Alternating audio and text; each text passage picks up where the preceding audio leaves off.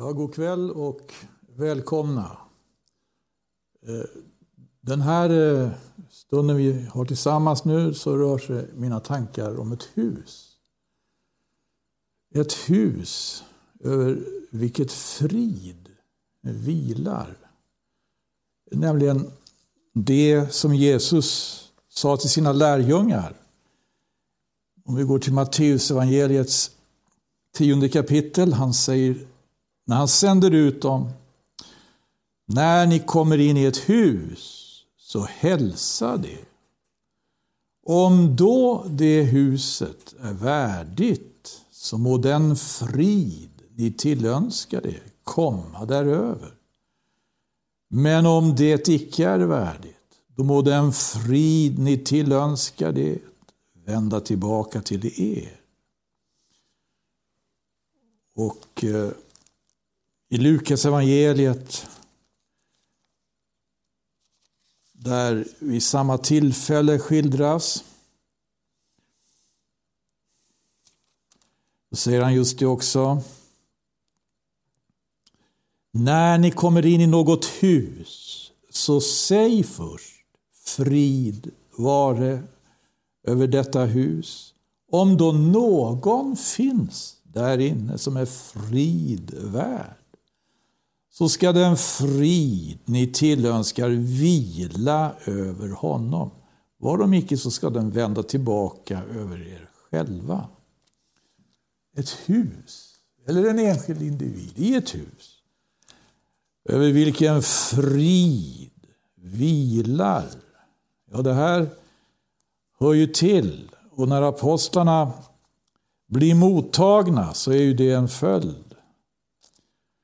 Och i Apostlagärningarna så är det ju aposteln Paulus som i det tjugonde kapitlet kallar samman de äldste i Efesus. Och säger bland annat till dem som så att ni vet att jag icke har dragit mig undan när det gällde något som kunde vara er nyttigt och att jag icke har försummat att offentligen och hemma i husen predika för er och undervisa er. Undervisning. Offentligt, också hemma i husen. Och därvid så var det ju väldigt eh, mycket som ägnades åt hur Jesus och apostlarna såg på skriften. Skriften som var utgångspunkten för deras undervisning. Vad hade Jesus för bibelsyn? Hörni? Vet ni, har, ni, har ni lagt märke till det? Att han hade ju en bibelsyn. Han, för att så väldigt mycket kom ju att röra sig om, om just skriften. Det var ju skriften som diskussionerna med de skriftlärda handlade om. Titt och ofta. Och det var, då detsamma gäller ju när apostlarna började sin verksamhet. Jag tänkte vi skulle titta på några ställen här där just den här bibelsynen, Jesus och apostlarnas bibelsyn eh, framträder. Och inte minst i bergspredikan så får vi ju exempel på det. När Jesus talar om skriften, då är det ju gamla testament han har. Det, det som han, han hade och det som apostlarna hade framför allt, det var ju gamla testamentet. För nya testamentet skrevs ju först under apostlarnas tid då, kom till under årtiondena efter Jesu död och uppståndelse. Men Jesus han har ett mycket fast begrepp han återvänder till och det är ju det här lagen och profeterna. Lagen och profeterna. Och I bergspredikan i Matteusevangeliets sjunde kapitel eh, när han undervisat om just nästan kärleken och att söka Guds rike först.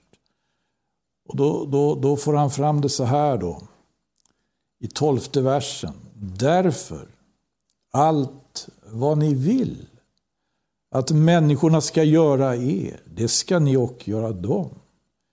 Ty detta är lagen och profeten. Detta detta är lagen och profeterna. Ja. Så väldigt mycket då, som, som han sammanfattar på det här sättet. Allt vad ni vill att människorna ska göra er, det ska ni också göra dem. Till detta är lagen och profeterna. Skriften, det är alltså en spegel i vilken vi ser vår nästa. Och så kan skapa oss en god föreställning om vad vår nästa har för behov. Så vi talar om det för vår nästa. Så vi lyssnar till vår nästa. Skriften, en spegel där vi får se Gud. Ja, därför att vid ett annat tillfälle ställdes ju en fråga. Det var en av de skriftlärda, om vi går till Markus evangelis tolfte kapitel. De kom till Jesus. Heter det så här, Markus 12.28. Då trädde en av de skriftlärde fram, en som hade hört deras ordskifte och förstått att han hade svarat dem väl. Det var en fråga om uppståndelsen då, som han hade svarat Denne skriftlärde frågade honom, vilket är det förnämsta av alla buden? Det var bara den här frågan. Vilket är det förnämsta av alla bud? Den skriftlärde, liksom Jesus, liksom alla judar, hade ju bud. bud. Och den här skriftlärde ville veta vilket är det förnämsta. Vilket kommer först? Först. Jesus svarade, det förnämsta är detta.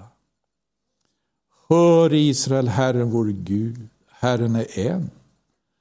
Och du ska älska Herren din Gud av allt ditt hjärta och av all din själ och av allt ditt förstånd och av all din kraft.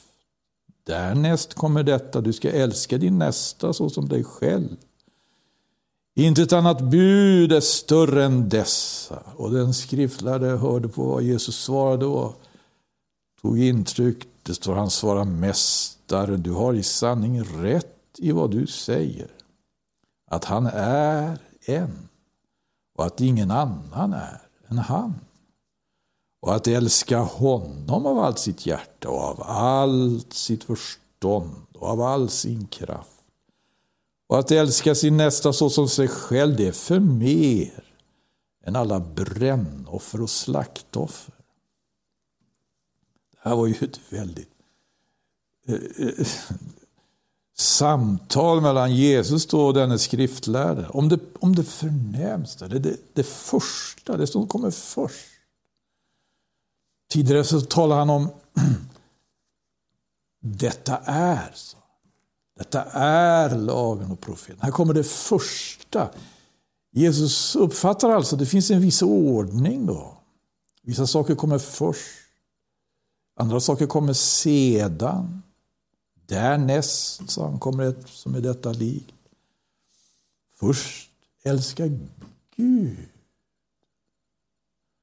Sedan älska sin nästa.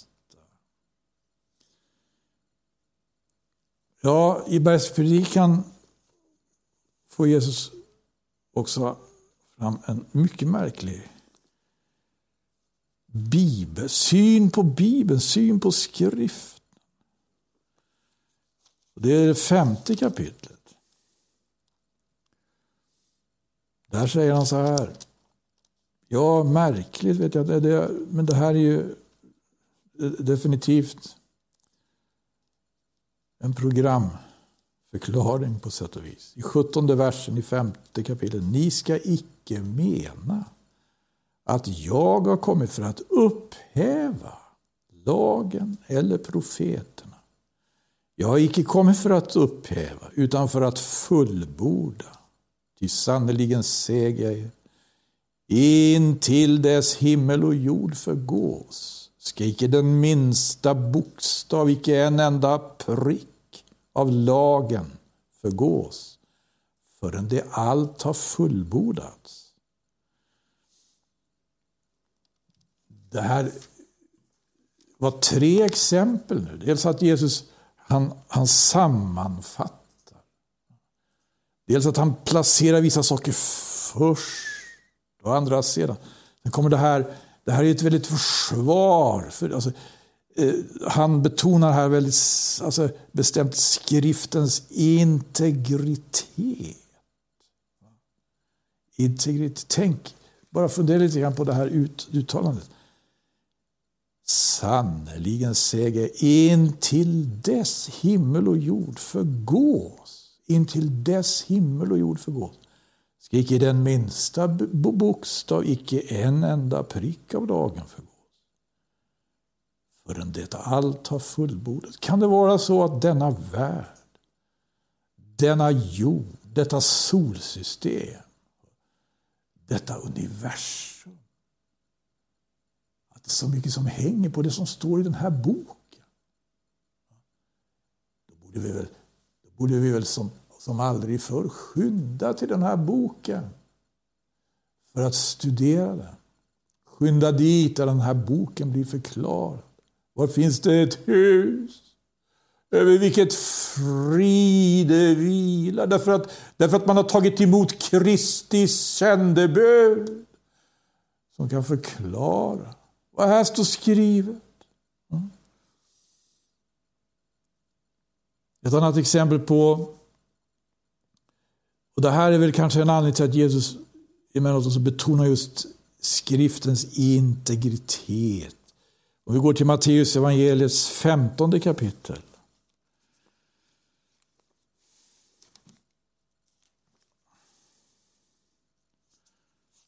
Läser vi så här. Det kom, det kom fariser och skriftlärde från Jerusalem till Jesus.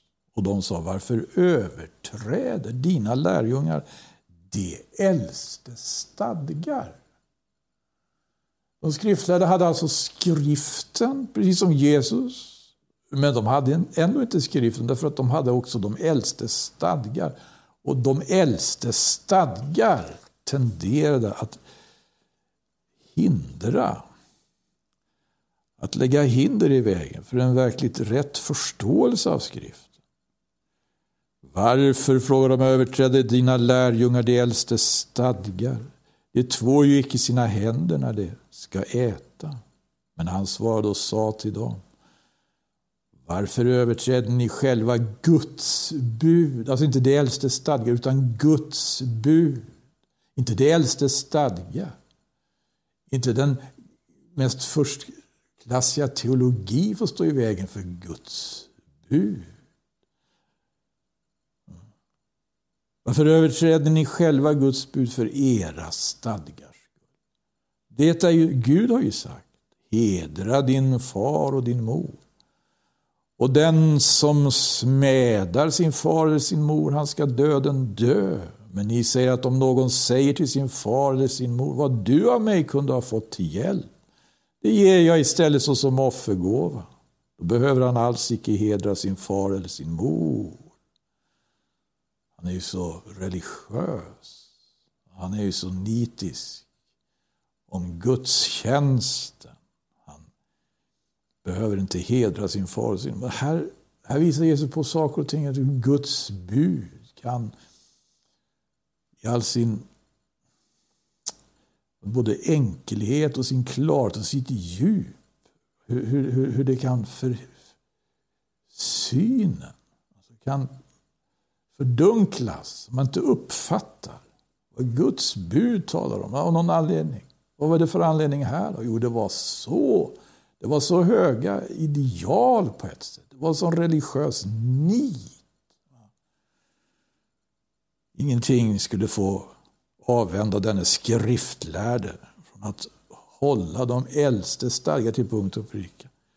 Men Jesus säger att det finns, det finns ingenting, inte ens de äldste stadgar, som ska kunna avvända en människa från att hålla Guds bud. Ni, säger han, ni har så gjort Guds budord om intet för era stadgars skull. Ni skrymtade, rätt profeterade Jesaja som är när han sa Detta folk ärar mig med sina läppar.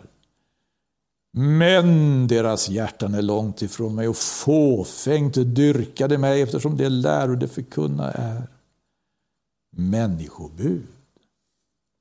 Jag ska ta ytterligare ett exempel på Jesu bibelsyn innan vi går vidare och tittar lite på apostlarnas bibelsyn. också. Då går vi igen till Markus evangeliets andra kapitel. Markus evangeliets andra kapitel. Nu är det några som faktiskt är väldigt allvarliga med Guds bud. Det är några som invänder mot Jesus, definitivt på grund av vad Guds bud lär. Men hör här hur Jesus tacklar det här. Andra kapitlet i Markus och vers 23. Det hände sig på sabbaten att han tog vägen genom ett sädesfält och hans lärjungar började rycka av axeln medan det gick. Då sa fariseerna till honom, se, hur kan det på sabbaten göra vad som icke är lovligt? Sabbaten, det var ett, ett av Guds bud. Tänk på vilodagen så att du helgar den. Det var ett av Guds bud, det var ett av de budord som Gud gav Mose och som Mose gav åt Israel på Sinai berg. Sabbatsbudet. Och hans lärjungar gjorde någonting på sabbatsdagen. Och man ska inte göra någonting på sabbatsdagen. Och fariseerna anmärkte på det. Se, hur kan det på sabbaten göra vad som icke är lov? Han svarade dem. Har ni, har ni aldrig läst vad David gjorde? När han själv och det som följde honom kom i nöd och blev hungriga. Hur han då, på den tid Abiatar var överste präst, gick in i Guds hus och åt skådebröden, fastän det ju icke är lovligt för andra än för prästerna att äta sådant bröd. Och hur han jämväl gav åt dem som följde honom. Därefter sa han till dem, sabbaten blev gjord för människans skull och icke människan för sabbatens skull. Så är då Människosonen, Herre också över sabbaten. Men hörni, här kommer Jesus syn fram, bibelsyn fram på ett, på, ett, på ett enormt sätt. Men vad är det här för någonting? Är det inte Jesus som försöker komma förbi något nu? Förut var det de skriftlärde som, som, som åberopade de äldste stadgar för att kunna hålla ifrån sig ett, ett budord. Ett av dem som står i lagen. Nu är det ju Jesus som gör Gör inte han detsamma? Han, nej, han, han går inte någon annanstans än till skriften. Det är skriften. Det är fortfarande skriften. Fast eh, det här är ju, som jag förstår saken, eh, beroende på just att han förstår, han förstår både hur man sammanfattar skriften och hur man ser ordningen i Guds budord. Att det finns vissa saker som kommer först och andra saker kommer sedan. Och han kan skilja han kan skilja mellan andra läror, människoläror, människostadgar och Guds bud. Och han håller bestämt på skriftens integritet och håller sig fortfarande till skriften. Här. Han är nu helt i den andan. Att du ska älska Herren din Gud av allt ditt hjärta, av all din själ, av all din kraft och av allt ditt förstånd. Och dessutom du skall älska din nästa så som dig själv. Dyker ner i skrift och ser saker och ting i det rätt. Men här är det faktiskt väldigt allvarligt. För här ska vi följa Jesus, då kommer vi inte ifrån... Man kan ju tycka det när man hör honom sammanfatta eh, skriften, det som man kallar för lagen och profeten. Man kan ju tycka det då. Att här har vi den verkliga utjämningen. Allt vad ni vill att människorna ska göra, det ska ni också göra dem. Här har vi den verkliga jämlik, en enorm jämlikhet. En enorm spegelbild ger oss, där vi får se vår nästa. En enorm jämlikhet. Men här kommer Jesus att gå in på områden där ingen jämlikhet råder. Ingen.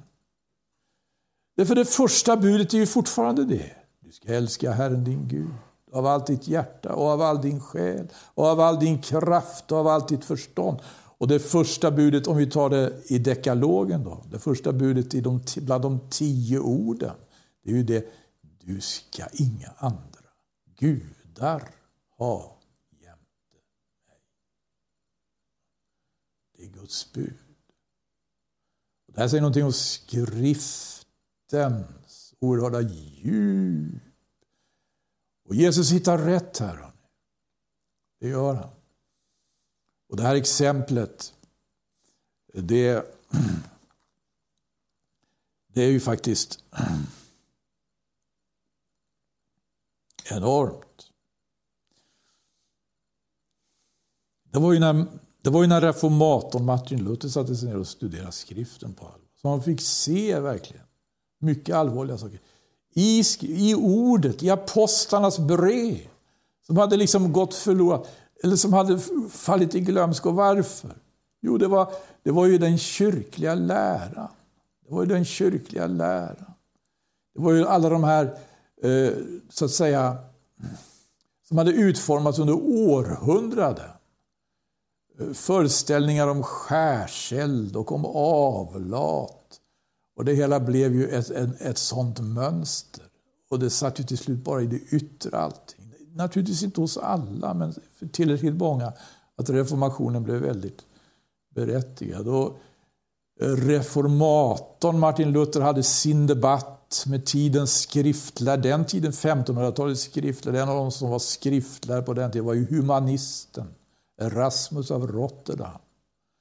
Och Erasmus förmanade Martin Luther, du sa, du håller på att gå vilse.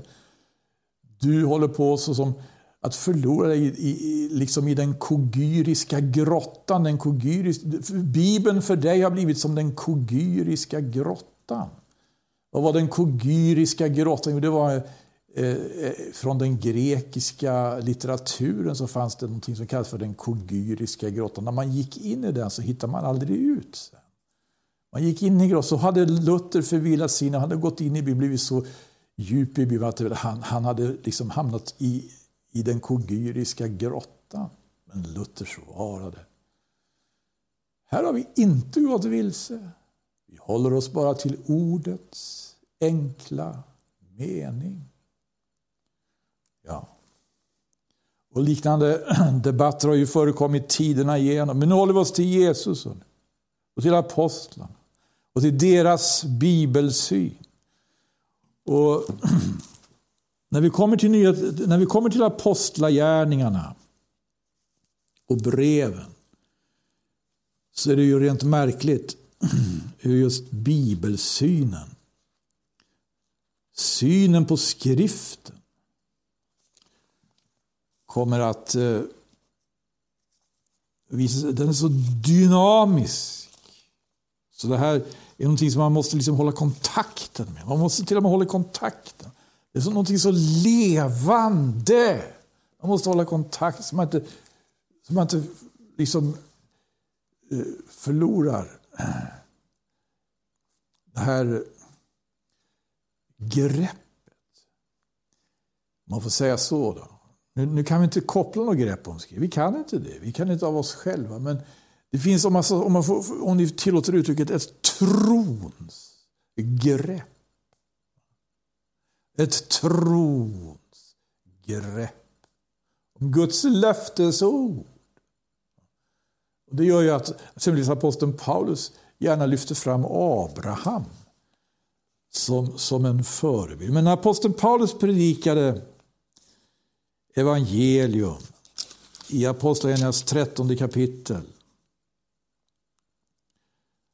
och riktigt få fram det, så att säga, som han vill säga då.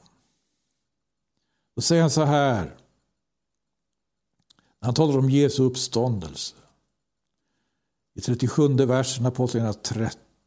Men den som Gud har uppväckt, han har icke sett förgängelse. Så må ni nu veta, mina bröder, att genom honom syndernas förlåtelse förkunnas för er och att i honom var och en som tror blir rättfärdig och friad ifrån allt det varifrån ni icke under Mose lag kunde bli fri. Eller hellre rättfärdigas ifrån allt det var, varifrån ni inte under Mose lag kunde rättfärdiga. I den här predikan så får han fram någonting som jag tycker eh, i, breven så, talas han, så undervisar han om att rättfärdiggöras till. Rättfärdiggöras till. Och här heter det rättfärdiggöras ifrån allt det som ni icke under Mose lag kunde rättfärdiggöras ifrån. Här bara ett exempel på hur aposteln Paulus kommer eh, när han undervisar att eh, behandla Bibeln på ett väldigt intressant sätt. Skriften han hade ju också, som, liksom Jesus, bara Gamla Testamentet. Lagen och profeten. Men under hans tid började ju Nya Testamentet att skrivas och han var ju själv, och är ju en av dem, som har skrivit stora delar av Nya Testamentet. Bara några exempel då, om vi går till Romarbrevet. Hur han vill eh, få loss liksom, skriften från eh, det skriftlärdes dödsgrepp. Och det heter så här i Romarbrevets andra kapitel. Går till vers 17 där. Du kallar dig jude och förlitar dig på lagen och berömmer dig av Gud. Du känner och hans vilja. Eftersom du har fått din undervisning ur lagen kan du döma om vad rättast är. Och du tilltror dig att vara en ledare för blinda. Ett ljus för människor som vandrar i mörker, en uppfostrare för oförståndiga, en lärare för enfaldig, eftersom du i lagen har uttrycket för kunskapen och sanningen. Du som vill lära andra, du lär icke dig själv. Du som predikar att man icke ska stjäla, du begår själv stöld.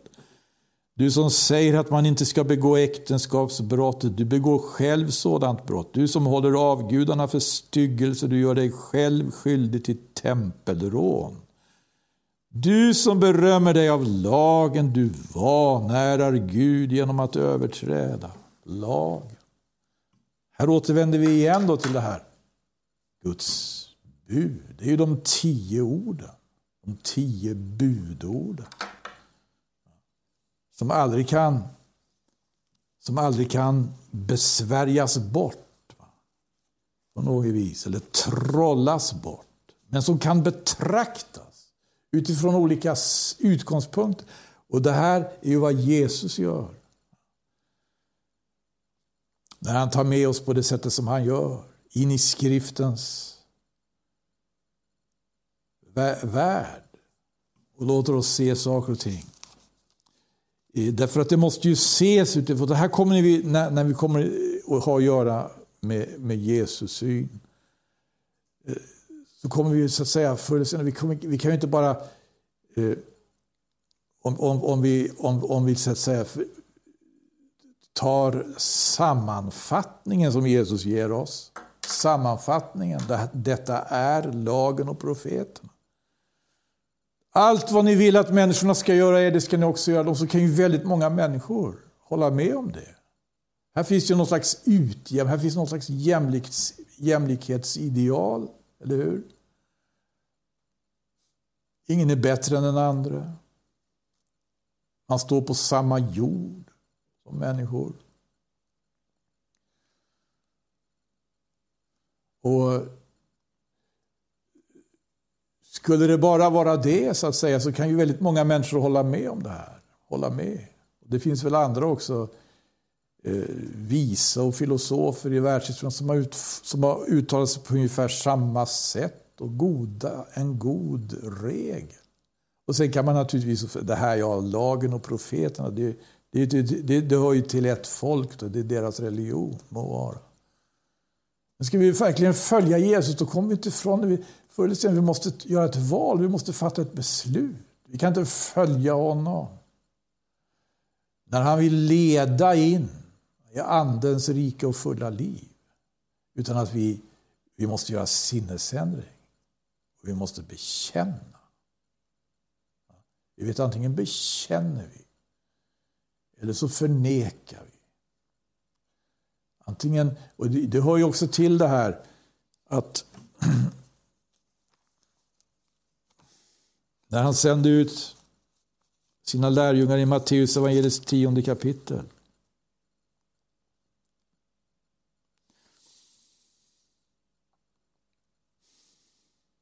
Och talar om, dem, talar om för dem att de ska inte vara rädda.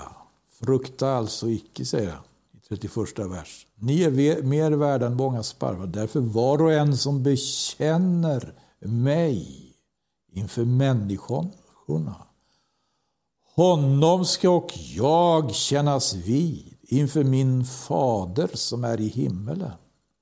Men den som förnekar mig inför människorna, honom skall och jag förneka inför min fader som är i himlen. Så är det så allvarligt. Men den är Jesus. Ja, det är det. Det är det. Och det här, det här aposteln Paulus undervisar i Romarbrevet. Och vi går till Romarbrevets tredje kapitel. 19 vers. Nu, nu vet vi att allt vad lagen säger, det talar den till dem som har lagen. För att var mun ska bli tillstoppad och hela världen står med skuld inför Gud. Det här är ju någonting annat. Det är ju mer än jämlikhetsideal. Det här är ett avslöjande av det, människans... Eh, det, det är ett avslöjande av synden. Det är ett avslöjande av det som gör att det, det är omöjligt för människan att hålla Guds lag. Lagen har givits, står det här, för att var mun ska bli tillstoppad och hela världen står med skuld inför Gud. Och för att vi ska förstå varför vi så innerligt behöver denne Jesus, Människosonen, har ju kommit för att uppsöka och frälsa det som var förlorat. Det är det här som är botemedlet. Ära vare Gud. Det är det här som är frälsningen. Och jag ska ta ett exempel också av hur Jesus, innan vi går vidare med lite till av, av aposteln Paulus här ser på skriften. I Johannes evangeliets tionde kapitel. Heter det så här, när judarna, då Jesus undervisar, tar upp stenar, står det här, och vill stena honom. Säger, så här, säger de så här då han förberår dem, frågar varför gör ni det här? Då svarar de, det är inte för någon god gärnings skull. I 33 versen i Johannes 10 kapitel. Det är icke för någon god gärnings skull som vi vill stena dig. Utan därför att du hädar och gör dig själv till Gud, du som är en människa. Jesus svarade dem, det är ju så skrivet i er lag. Vad säger han för någonting? Nej, nej, nej, nej. Vi, är alldeles, vi står på samma plan. Ja, och vi är bröder och jag och ni. Vi, nej. Och någon anledning så tar han fram det här. Jesus svarade dem, det är ju så skrivet i er lag. Jag har sagt att ni är gudar. Om han nu har kallat dem för gudar, som Guds ord kom till, och skriften kan ju icke bli om intet. En gång till är alltså skriftens integritet. Inte sammanfattningen av skrift. Inte det som kommer främst i skriften. Här har vi skriftens integritet. Om vi vill ta oss in i den. Om vi vill undersöka. Och om vi vill eh, faktiskt undersöka hur det förhåller sig. Men det kan det faktiskt vara så här. Himmel och jord ska förgås. Himmel och jord. Förrän himmel och jord förgås ska inte en enda bokstav, icke en enda prick av lagen förgås. Skriv, hänger så mycket på den, på den här boken, på den här eh, Ja, ett ord som har kommit från skaparen. Det måste sannerligen vara värt att undersöka. Och Vad var vi i Johannes evangeliets tionde kapitel? Aposteln Paulus i Galaterbrevet ger oss också eh, väldigt intressanta inblickar här i skriftens väsen. I Galaterbrevet undervisar han ju om just det här rättfärdiggörelsen genom tro. Tro till rättfärdighet. Han predikade. I Antiochia var det väl, eller vad var det, på Sypen i Apostlagärningarnas trettonde kapitel. Om att rättfärdiggöras från allt. Varunder vi under Mose lag icke kunde rättfärdiggöras. Här heter det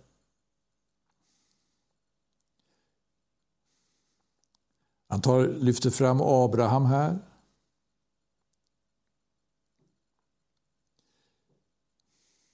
Jag ska bara läsa några verser. Tredje kapitlet, Galaterbrevet från sjunde versen. Så må ni nu veta att det som låter det bero på tro, det är Abrahams barn. Och eftersom skriften förutsåg att det var av tro som hedningarna skulle bli rättfärdiggjorda av Gud, så gav den i förväg åt Abraham detta glada budskap. I dig skall alla folk bli välsignade. Alltså blir det som låter det bero på tro välsignade tillika med Abraham, honom som trodde. Till alla det som låter det bero på laggärningar det är under förbannelse. Det är nämligen skrivet förbannad var det var och en som icke förbliver vid allt som är skrivet i lagens bok och icke gör därefter. Och att ingen i kraft av lag blir rättfärdiggjord, rättfärdig inför Gud. Det är uppenbart eftersom det heter den rättfärdige ska leva av tro. Men i lagen beror det icke på tro. Tvärtom heter det den som gör efter dessa stadgar ska leva genom dem. Åter alltså en sida här av hur man kan missförstå. Därför att eh, Jesus själv egentligen tog ju aldrig upp kritiken mot laggärningarna. Gjorde han det?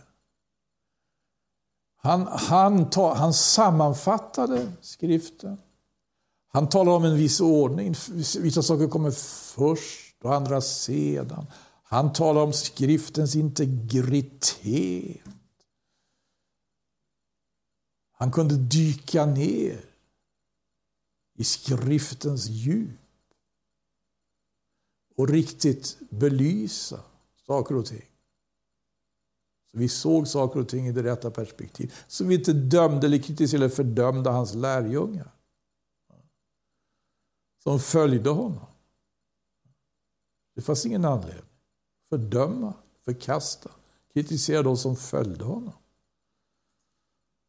Här kommer, här kommer begreppet laggärning, alltså det att man gör i och för sig det som lagen stadgar om. Man gör det som Gud har bjudit. Det talades om omskärelsen till exempel här i Galaterbrevet. Och omskärelsen har faktiskt Gud stadgat om. omskärelsen. Sabbatsbudet lyfts fram ibland i evangelierna som en stridsfråga. Men här kommer just fram det att även om man ser ut aldrig så mycket hålla sig till att göra vad lagen säger. Så lagen är faktiskt på ett väldigt allvarligt sätt eh, en dementi av att vi skulle kunna göra någonsin vad lagen säger. Det är för lagens uppgift. Det kommer han fram till senare här i Galaterbrevet. Men jag tänker bara lyfta åter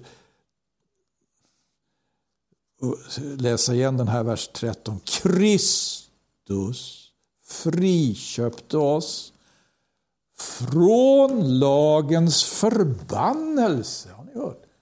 Kristus friköpte oss från lagens förbannelse när han blev en förbannelse för vår skull. Det är ju skrivet förbannade var och en som är upphängd på trä. Så, så tar aposteln Paulus nu med in i skriftens värld på ett så förundligt sätt. Och så visar han att det ena alltså att i och för sig anpassa sig alldeles så mycket till och till synes göra vad lagen kräver. Det faller på någonting annat som står. Det heter så här, förbannad är var och en som är upphängd på trä. Men det blev ju Jesus. Han blev upphängd på trä. Men det var för att han skulle bli en förbannelse. Han skulle bli en förbannelse för vår skull. Vi friköptes för att den välsignelse som hade givits åt Abraham skulle i Jesus Kristus komma också hedningarna till del. Så att vi genom tron skulle undfå den utlovade anden. Det här var Galaterbrevets tredje kapitel, 14 vers. Vilken vers, vad, vad den får med mycket.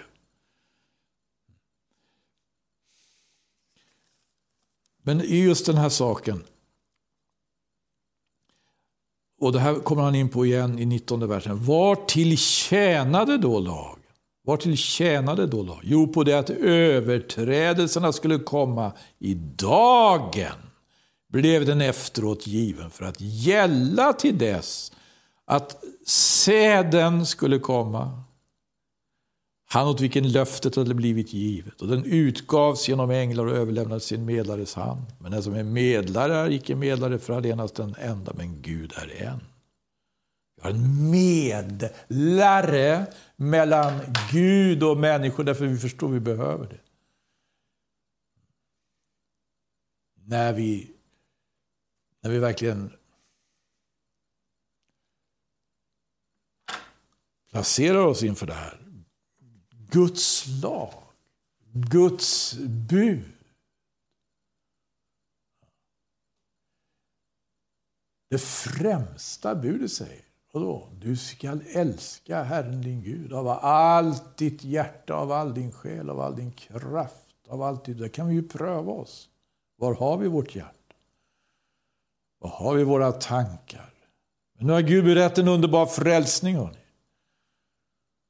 Och ära vare Gud för ett hus över vilket friden vilar. Det borde finnas ett sådant hus där man har tagit emot Kristi sändebud. Men nu är det inte säkert alls att, att det finns, att man gör. Det, när Jesus talar om det här så säger han att man måste vara beredd på att man får fly. Man verkligen tar emot hans budskap. Fly från den ena staden till den andra.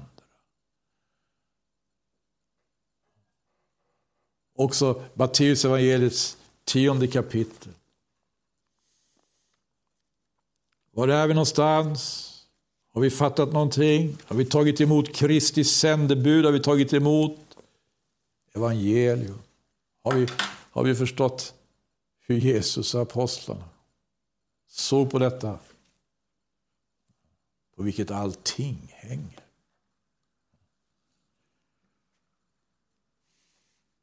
Nej, det har vi naturligtvis inte. Men vi kanske har fått en aning om det. Och Det står någonstans, för så vitt vi har börjat. Ta några steg. Låt oss gå, låt oss gå vidare på samma väg. Och då ska vi vidare på samma väg. Och det är inte alls säkert vi kan stanna i huset. Och det är inte alls säkert vi kan stanna i staden. Men Gud är verkligen en stor välsignelse om det finns en stad, om det finns ett hus. Över vilket friden vilar. Eftersom man har tagit emot Kristi sändebud. Amen. När det nu förföljer er i en stad, så fly till en annan. Och om det också där förföljer er, så fly till ännu en annan. Ty sannerligen säger er, ni ska icke ha hunnit igenom alla Israels städer förrän Människosonen kommer. Det här var en etapp i frälsningshistorien. Varje etapp. Det, vilken etapp befinner vi oss i? Hörni? Vi har hört talas om, om, om slut, om ändens tid. När vi läser det här, när vi läser den här boken. och Vi hör om det. Slutfasen, är vi där? Är vi där? Låt oss ta det här på större allvar än någonsin. Och Gud välsigna var och en. I Jesu namn.